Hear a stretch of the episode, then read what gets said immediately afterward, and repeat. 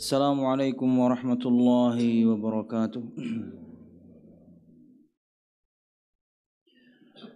إن الحمد لله نحمده ونستعينه ونستغفره ونعوذ بالله من شرور أنفسنا ومن سيئات أعمالنا. من يهده الله فلا مضل له ومن يضلل فلا هادي له. أشهد أن لا إله إلا الله وحده لا شريك له وأشهد أن محمدا عبده ورسوله. قال الله تعالى في القرآن الكريم أعوذ بالله من الشيطان الرجيم. يا أيها الذين آمنوا اتقوا الله حق تقاته ولا تموتن إلا وأنتم مسلمون. يا أيها الناس اتقوا ربكم الذي خلقكم من نفس واحدة وخلق منها زوجها وبث منهما رجالا كثيرا ونساء واتقوا الله الذي تساءلون به والأرحام إن الله كان عليكم رقيبا. يا أيها الذين آمنوا اتقوا الله وقولوا قولا سديدا يصلح لكم أعمالكم ويغفر لكم ذنوبكم ومن يطع الله ورسوله فقد فاز فوزا عظيما.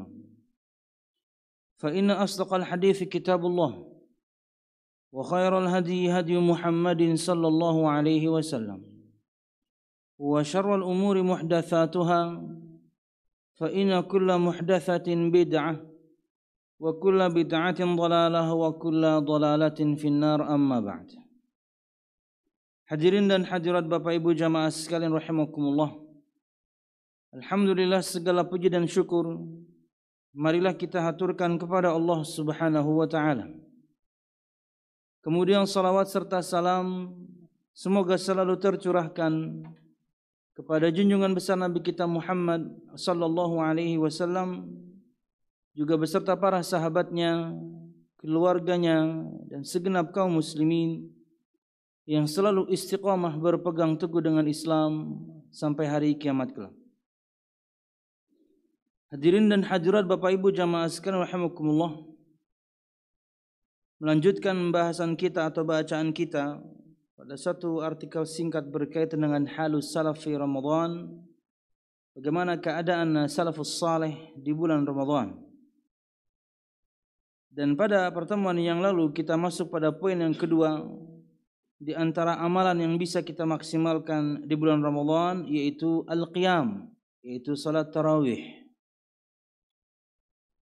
Berdasarkan sabda Nabi Muhammad sallallahu alaihi wasallam, "Man qama Ramadhana imanan wa ihtisaban, ghufira lahu ma taqaddama min dhanbi."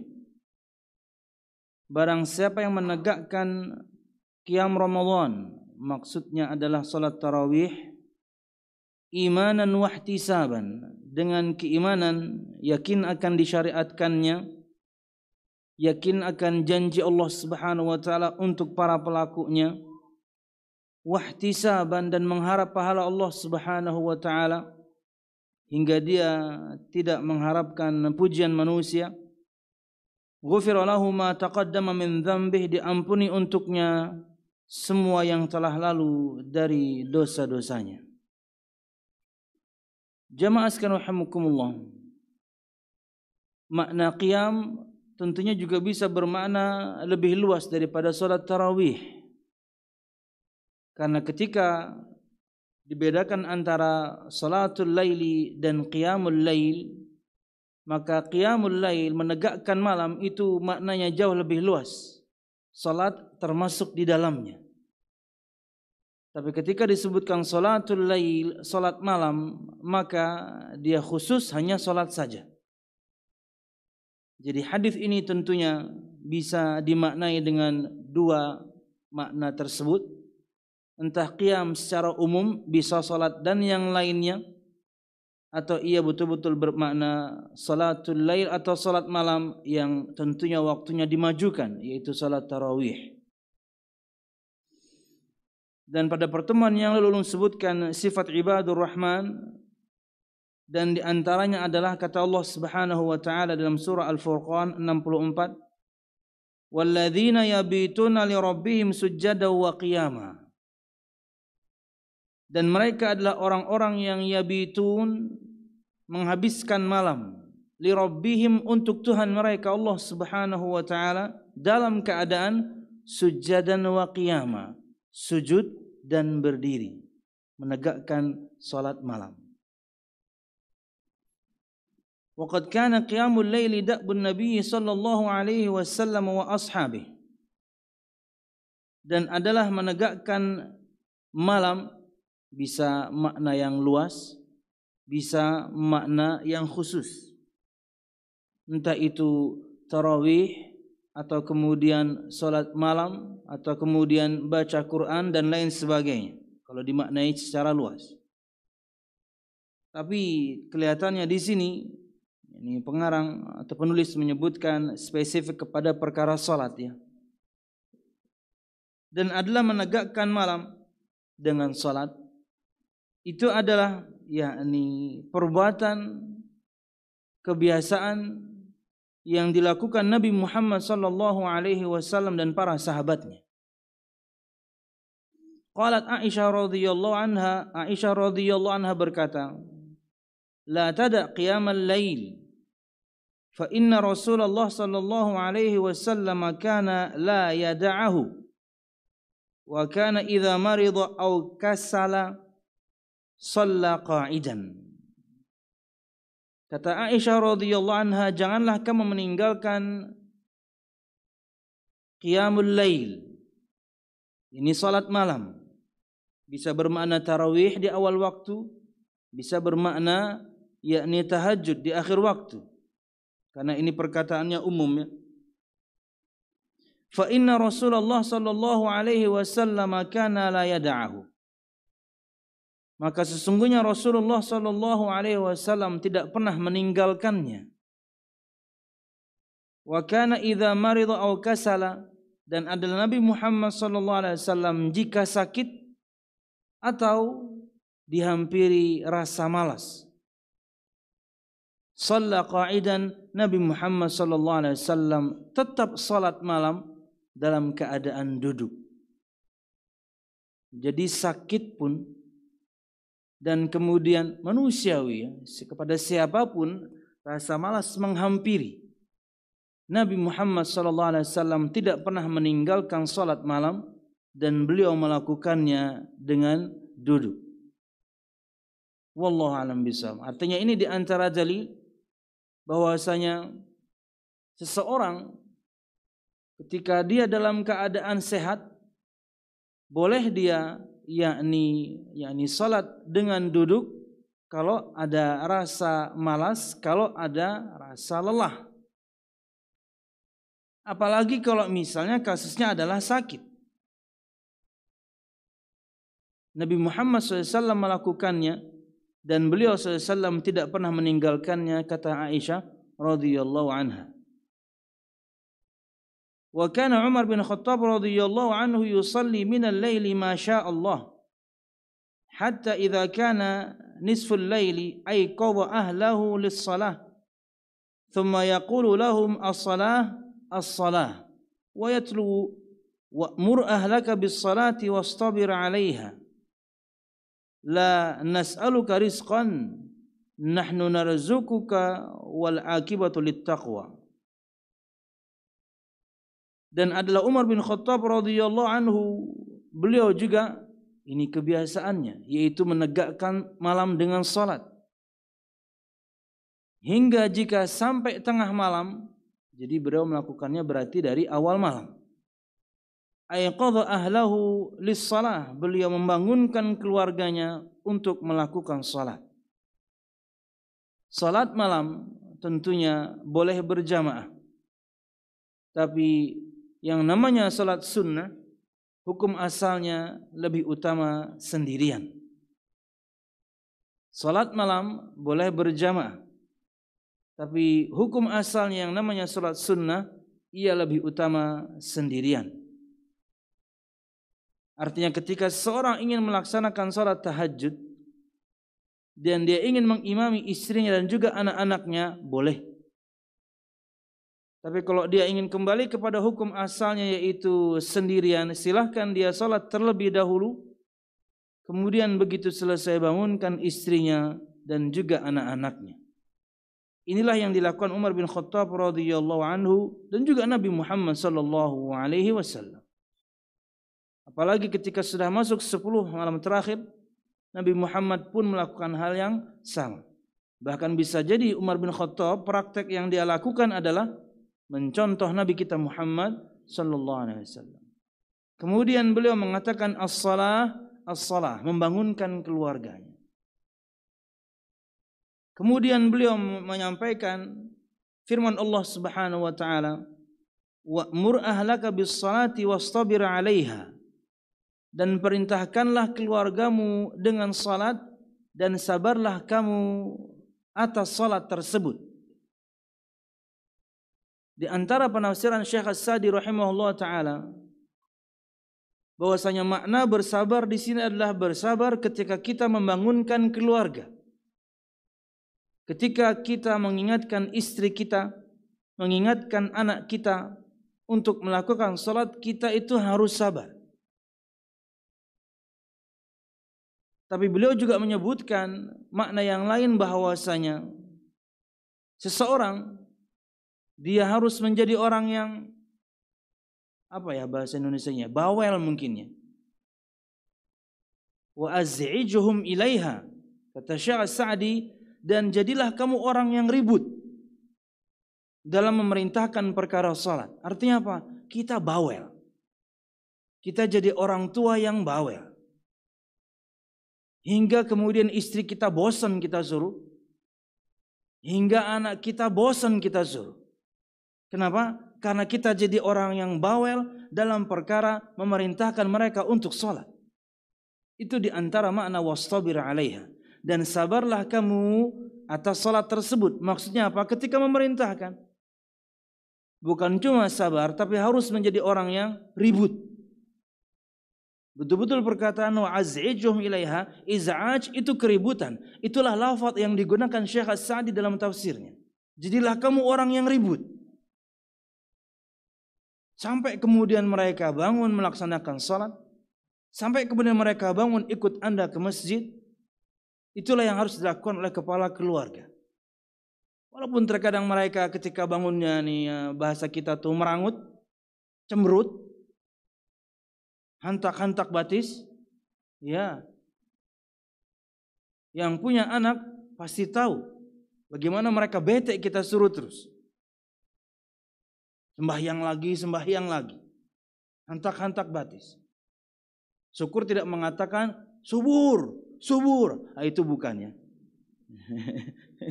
Masih ingat Anda cerita itu ya? sambil bahan takwatis mengatakan itu ya. Yang tidak tahu silahkan Google ya, masih ada kayaknya filenya. Biar pian nggak ngantuk ya. Di bete.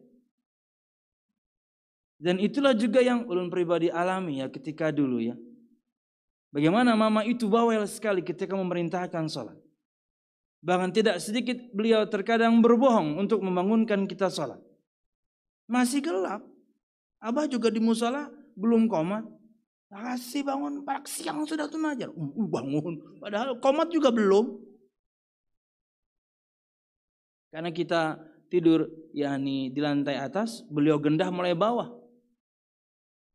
Semoga Allah Subhanahu wa taala merahmati beliau. Sekarang terasa manfaatnya. Kita itu kalau bukan karena komunitas atau bukan karena orang-orang sekitar, bukan kita ya, ulun aja deh.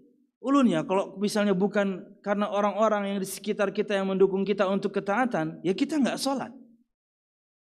Waktu kecil atau ketika masih di rumah, ada orang tua. Abah tidak sebawel itu, tapi mama luar biasa. Begitu masuk pesantren, ada polisi ibadah. Yani 10 lebih mungkin jumlahnya bahkan sampai 20 karena satu kamar biasanya mereka adalah sama-sama polisi ibadah, anak kelas 2, kelas 3, idat muallimin biasanya, itu keliling semua kamar untuk membangunkan kita. Sebelum azan berkumandang. Oke. Sudah ketika azan berkumandang, mereka keliling lagi untuk putaran yang kedua karena biasanya masih ada yang belum bangun. Sudah di putaran yang ketiga mereka tidak bangunkan lagi, tapi langsung mereka semprot dengan pistol air. Ya, orang-orang sekitarlah yang mendukung kita untuk menjalankan ketaatan, walaupun kala itu ada semi terpaksanya. Tapi subhanallah begitulah hawanya di pesantren. Selesai kuliah. Teman-teman satu kos yang mendukung. Walaupun mereka tentunya tidak seperti polisi ibadah. Tapi lebih kepada sindiran. Hingga kemudian kita tersindir dan akhirnya tetap setiap subuh kemudian ke masjid. Tapi orang-orang sekitarlah yang mendukung. Ketika kemudian di Madinah, juga teman sekamar, ulun sekamar dengan uh, uh, sekamar itu ada empat uh, orang Afghanistan, kemudian uh, orang Somalia, kemudian orang Albania. Itu kita ketika subuh dibangunkannya itu, yakni dipanggil nama negara. Bayangkan, kita bukan dipanggil nama kita. Khairullah enggak. Indonesia, apa enggak anda malu nah? Apa anda enggak malu satu negara dibangunin sama dia? Indonesia, subuh. Wah iya ya, Indonesia ya. Bangun subuh. Kayaknya saya nggak pernah bangun Somalia, nggak pernah tuh sekalinya. Somalia, kok nggak nyaut? Eh, dia udah di masjid ya. Kita paling lambat ya. Ya. Orang-orang sekitarlah yang mendukung. Kenapa? Karena terbukti misalnya kalau safar, qadarullah misalnya sendirian, kalau misalnya harus menginap di penginapan, kalau tidak pesan ke resepsionis bangunkan saya jam sekian, bablas. Bablas. Jadi orang-orang sekitarlah yang mendukung kita untuk menjalankan ketaatan. Nah sebagai orang tua, dukung anak anda. Dukung istri anda. ada kasus ya di mana yani seorang suami selalu menasihati atau mengingatkan istrinya untuk sholat istrinya malah marah. Wah ini membingungkan ya. Anda pengen suami seperti apa sebenarnya? Pokoknya jangan lagi urusi urusanku. Pada saya lagi mengatakan karena bisa ya aku tidak bisa. Anda kewajiban dia. Kalau Anda tidak ingin diingatkan, Anda sendiri aja hidupnya. Dia sebagai kepala keluarga punya kewajiban untuk mengingatkan keluarganya. Itulah tugas suami Anda. Syukur Anda dapat suami kayak gitu. Cerita yang lebih lama, ada ikhwan kita bercerita, ketika istrinya ingin minta cerai karena dia selalu sholat lima waktu di masjid. Nah, ini kan aneh ya. Dulu dia bolong-bolong, kadang ke masjid, kadang tidak. Sekarang lima waktu dia ke masjid, istrinya malah nggak suka. Subhanallah. Harus dirukyah istri seperti itu. Jangan-jangan ada setan ya. rajim Langsung biasanya keluar macannya. Yang tidak suka dengan ketaatannya setan. Dalam bentuk manusia. Istri anda itu. Kayak Pak Ustadz ceraikan gajar. Wah, hendak mana ulun sawati langsung. Ceraikan aja ini apa itu? Mm -mm. Tapi kan saya Ustadz, jadi saya tidak seperti itu. Sabar Pak, mungkin istri Bapak adalah ujian untuk Bapak. Tapi nggak tahu lagi bagaimana ceritanya sekarang, karena saya juga nggak tahu siapa orangnya ya. Tapi jamaah kita ya, tolong angkat tangan. Enggak ada.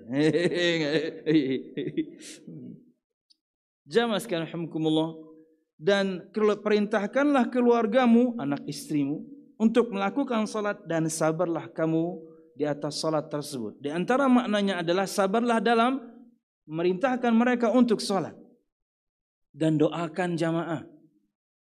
Nabi Ibrahim alaihissalam saja dia berdoa untuk dia dan anaknya agar menjadi orang yang menegakkan salat. Doa. Jangan Anda kemudian meyakini bahwasanya dengan kemampuan Anda sendiri Anda mampu menaklukkan istri dan anak. Selalu minta pertolongan kepada Allah Subhanahu wa taala. Rabbi ja'alni muqimas salati wa min dzurriyyati. Doa Nabi Ibrahim, ya Allah ya Tuhanku jadikanlah aku dan keluargaku orang yang menegakkan salat. Selipkan itu di doa Anda.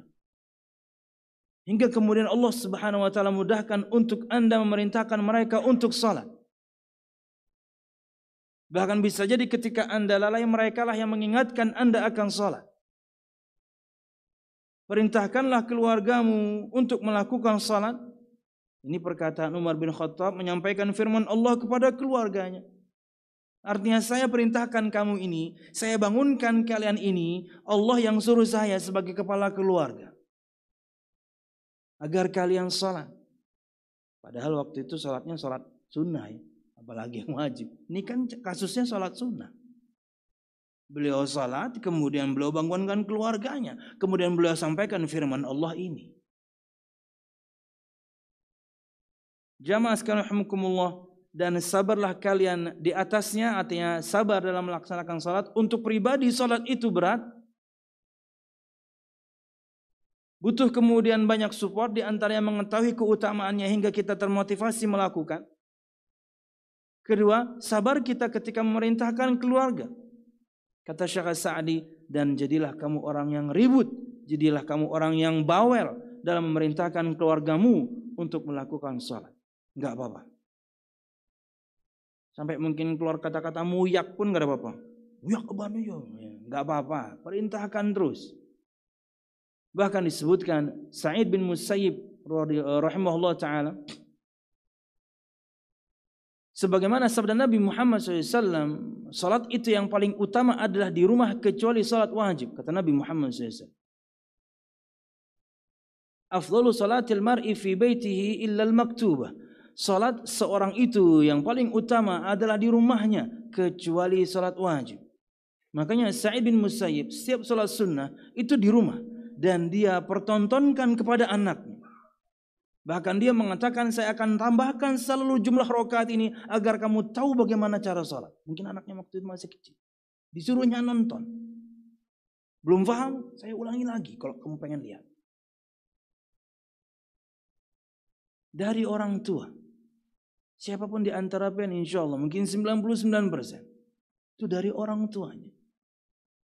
Walaupun ada mungkin satu persennya dia tidak mendapatkan itu dari orang tuanya, tapi kan sangat sedikit. Maka ketika Anda sekarang menjadi orang tua, eh, lanjutkan tongkat estafet itu. Bahwasanya Andalah wasilah perantara tahunya anak Anda akan perkara salat dan kewajiban. Wallahu a'lam bishawab. Belum skip. Atau perkataan ini dulu sebutkan.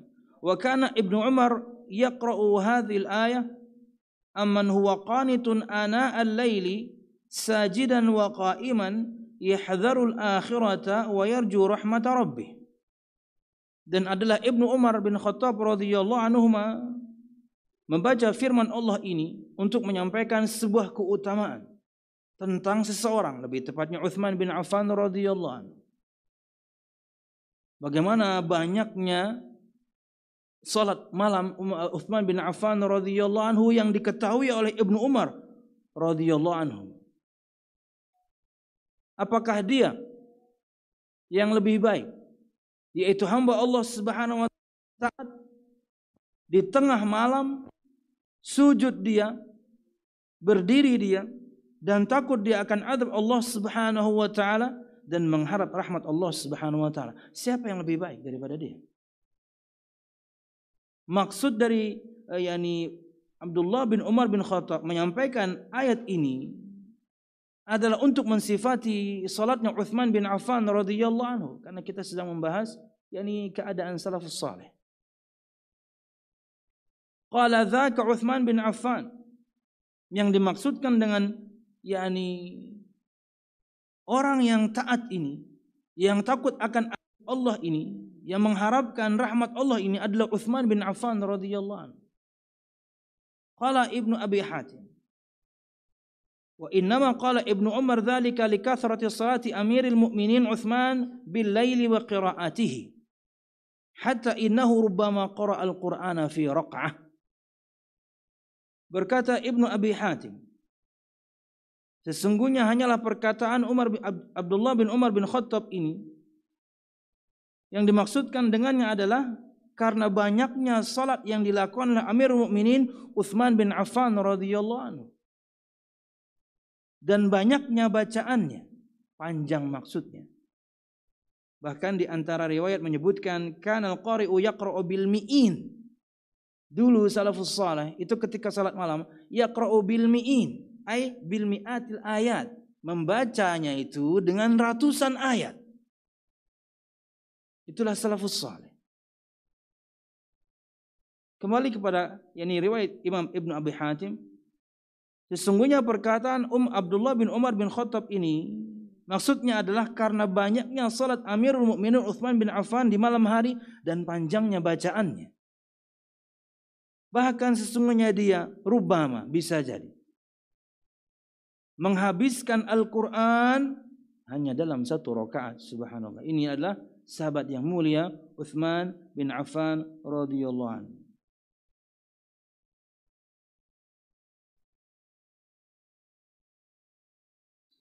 Kita mungkin kalau satu rakaat satu al-baqarah aja mungkin udah gemeteran ya, udah gemeteran ya.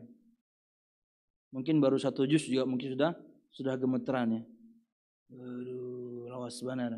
Akhirnya kemudian sampai dalam hati mengumpat imam, lawas imam nih jadi beda ya, imamnya jauh, ya. imannya jauh ya antara langit dan sumur bor ya. Kalau langit dan bumi masih mending lah, sumur bor jauh.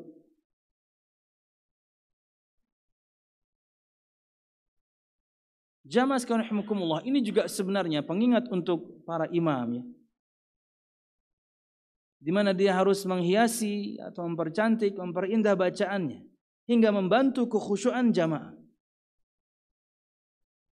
Hingga ketika dia membaca mungkin satu rakaat, satu lembar, satu rakaat yakni satu lembar setengah berarti tiga halaman. Jamaah anteng aja itu. Kenapa? Karena nyaman, karena enak. Terkadang nih hafalannya salah-salah, bacaannya kurang lancar, pengen panjang lagi. Waduh. Mengganggu kekhusyuan ya. Makanya orang yang berhak untuk jadi imam apa? Yang paling banyak hafalannya. Artinya ketika maksudnya adalah yang paling banyak hafalannya, anak yang mumayyiz pun boleh jadi imam. Ketika dia lebih banyak hafalannya. Orang kalau hafalannya banyak, bacaannya mesti lancar. Gak ada orang hafalannya banyak kemudian dia masih ikro dua. Gak ada. Orang hafalannya banyak, mesti lancar bacaannya. Jadi boleh. Anak 7-8 tahun untuk menjadi imamnya. Selama dia memang memenuhi persyaratan, hafalannya jauh lebih banyak dibandingkan yang lain. Kemudian, tanbih, peringatan kata beliau, yang bagi laka akhil muslim an tukmila tarawih ma'al imam hatta tuktaba fil qa'imin. Faqad qala sallallahu alaihi wasallam man qama ma'a imamihi hatta yansarif kutiba lahu qiyamul lailah seharusnya wahai saudaraku muslim atau hendaknya atau seyogyanya Yogya, Magelang, Semarang terserah ya. Seyogyanya seorang muslim itu menyempurnakan salat tarawih bersama imam hingga dituliskan untuknya pahala salat semalam suntuk berdasarkan sabda Nabi Muhammad sallallahu alaihi wasallam man qama ma'a imamihi barang siapa yang menegakkan salat tarawih bersama imamnya maksudnya hatta yang sarif sampai selesai sampai imam itu berpaling maksudnya selesai kutibalahu qiyamul lailah dituliskan untuknya pahala puasa salat semalam suntuk.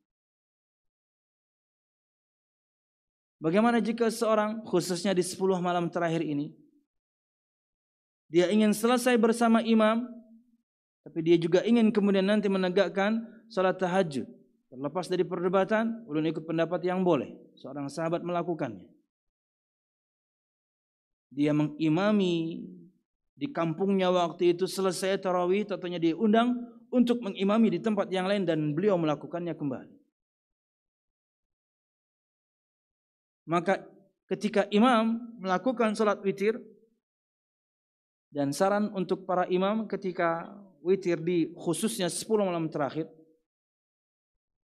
dengan metode dua kali salam itu akan lebih baik tiga kali eh, tiga rakaat sekali salam boleh Umar bin Khattab pun melakukannya. Lima rakaat sekali salam Nabi Muhammad pernah melakukannya.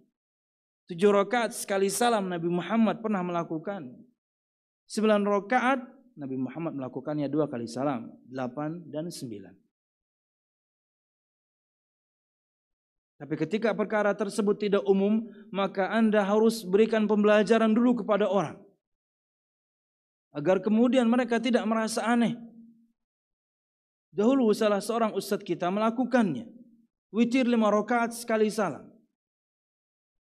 Di salah satu masjid kita, saya pengen sebut assalam kan gak enak. Besoknya saya ditelepon live, ditelepon live, yakni acara RRI. Tidak ada janji sebelumnya. Ditelepon dan Pak sekarang Anda sedang live. Ya silakan. Apa pertanyaannya? Dan kemudian sholat itulah yang diterangkan. Akhirnya saya harus menerangkan. Karena enggak umum.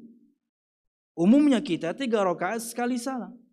Ketika anda ingin melakukannya lima rakaat sekali salam, berikan dulu riwayat bagaimana praktek Nabi Muhammad SAW. Tujuh rakaat sekali salam, berikan dulu kemudian pembelajaran. Sembilan rakaat dua kali salam, kasih tahu dulu ilmunya. Nah, di semua malam terakhir akan lebih baik kemudian metodenya adalah tiga rakaat dua kali salam. Dua rakaat salam satu kali salam. Kenapa? Untuk membantu kaum muslimin yang nanti malam mereka niat untuk menegakkan salat malam kembali. Agar mereka salat bersama imam selesai, tapi mereka juga nanti malam bisa menegakkannya sendiri dia, dia dapat pahala bersama imam seperti salat, salat semalam suntuk dan malam dia bisa bangun lagi. Di rokaat yang terakhir itulah ketika imam salam Anda tambah satu. Karena Anda tidak mengakhirinya dengan witir. Karena mungkin Anda ingin witirnya nanti tengah malam. Tapi kalau Anda bersama imam sampai selesai witir-witirnya dan tengah malam Anda bangun, maka lakukanlah tapi tanpa witir. Dan jangan berpaling dari imam kecuali selesai bersamanya. Selesai 8 rakaat, bulik, nah ini rugi. Tapi tentunya 8 rakaatnya mendatangkan pahala itu pasti. Tapi janji Nabi Muhammad spesifik hadis yang ini Anda tidak dapatkan karena Anda tidak selesai bersama imam. Dulu waktu awal-awal di Madinah kami kayak gitu.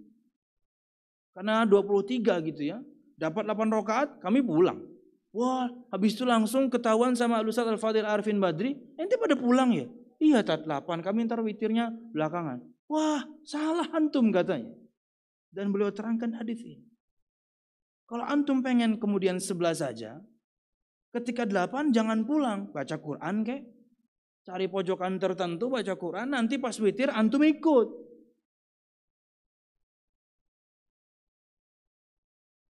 Padahal ya di Masjid Nabawi itu ya, ketika Anda keluar, misalnya Anda di tengah-tengah keluar, itu sudah habis berapa rakaat itu. Rugi sekali. Makanya kalau misalnya orang itu mohon maaf eh, pengantutan itu bisa ketinggalan banyak. Iya.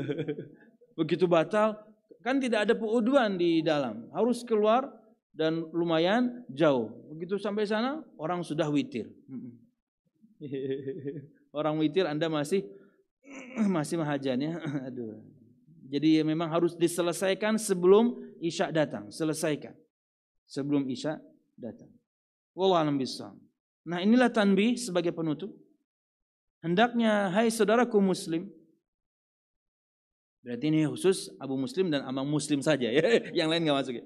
Wahai saudaraku muslim, hendaknya kalian menyempurnakan salat tarawih bersama imam hingga dituliskan untuk kalian salat bersama imam, yakni salat malam semalam suntuk.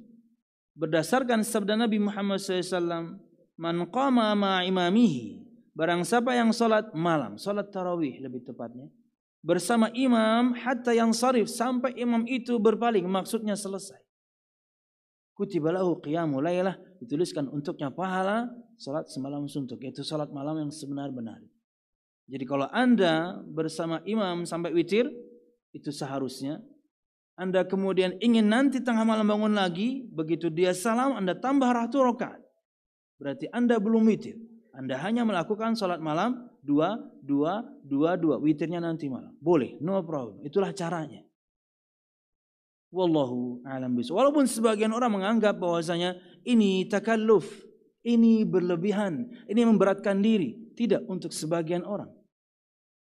Sebagian orang memang dia biasa sholat malam. Ramadan pun gak berubah kebiasaannya.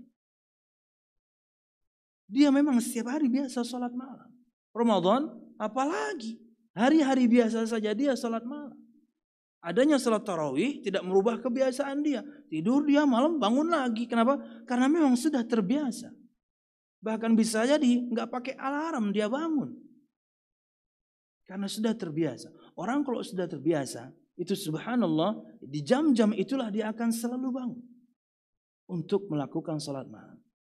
Wallahu a'lam bisam. Jangan sampai ketika kita jarang melakukannya, kita mengatakan itu, ah ini berlebihan, ah ini berat, karena Anda jarang salat malam.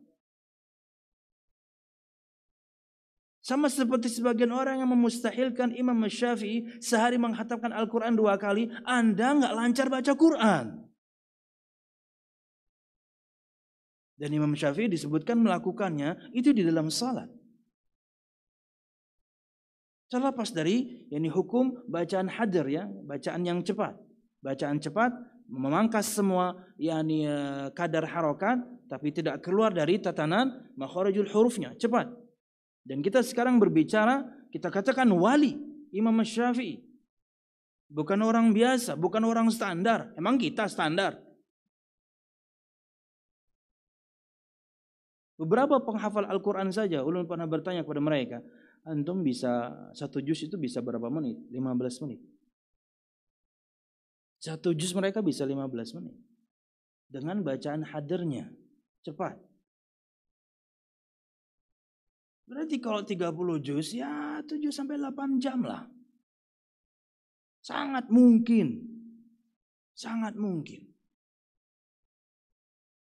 Mungkin ketika duha dihajar, tapi keputus zuhur kalau duha ya. Yang sangat itu malam juga. Anda terkadang memustahilkannya adalah karena Anda yakni bukan levelnya. Apalagi kemudian kita berbicara bukan juga zamannya. Imam Syafi'i secara tidak sengaja melihat betis perempuan buyar hafalannya. Anda bisa bayangkan atmosfer ilmu waktu itu. Beliau ketika nuntut ilmu itu harus melewati pasar. Bukan orang yang jelalatan, bukan secara tidak sengaja. Pakaian seorang wanita tersingkap dan beliau melihat betisnya, hilang semua hafalan. Kita di zaman kita sekarang ini yang terbuka macam-macam. Hafalan kita nggak hilang karena memang nggak punya. Iya. Kenapa apa hafalan undanya? terlihat macam-macam ya. Karena bisi. Aduh, ya Allah. Allah alam ya. Insya Allah kita lanjutkan. Besok hajar lagi. Oke, masih panjang ini ya. Kita baru di halaman 3 ya. Ini ada 9 halaman. Mudah-mudahan bermanfaat jamaah. Uh, tegakkan uh, salat malam. Tarawihnya. Kemudian tahajudnya silahkan. Tentunya Eh, sesuai dengan kemampuan masing-masing. Beliau juga sebutkan di sini ala hasbi taqati. Belum tidak sebutkan tadi. Seorang itu harus melakukan sesuai dengan kemampuannya, jangan dipaksakan. Mampu, bismillah. Nah, sekarang ini dari sejak tadi malam tentunya sudah masuk 10 malam terakhir, maka niatkan i'tikaf. Anda datang maghrib ke sini atau Anda datang isya ke sini, niatkan i'tikaf. Karena persyaratannya, eh, karena rukunnya itu cuman yakni niat dan berdiam diri sejenak di masjid. Penuhi syarat itu, maka Anda menjadi orang yang etikaf. Sudah kita bahas sebelum Ramadan. Jadi Anda masuk salat Isya, sholat tarawih, duduk sejenak, baca Quran, baru pulang. Tapi niatkan Anda etikaf. Yaitu seorang muslim melazimkan, mengharuskan dirinya untuk berdiam diri sejenak di masjid untuk menjalankan ketaatan. Niatkan itu di hati Anda.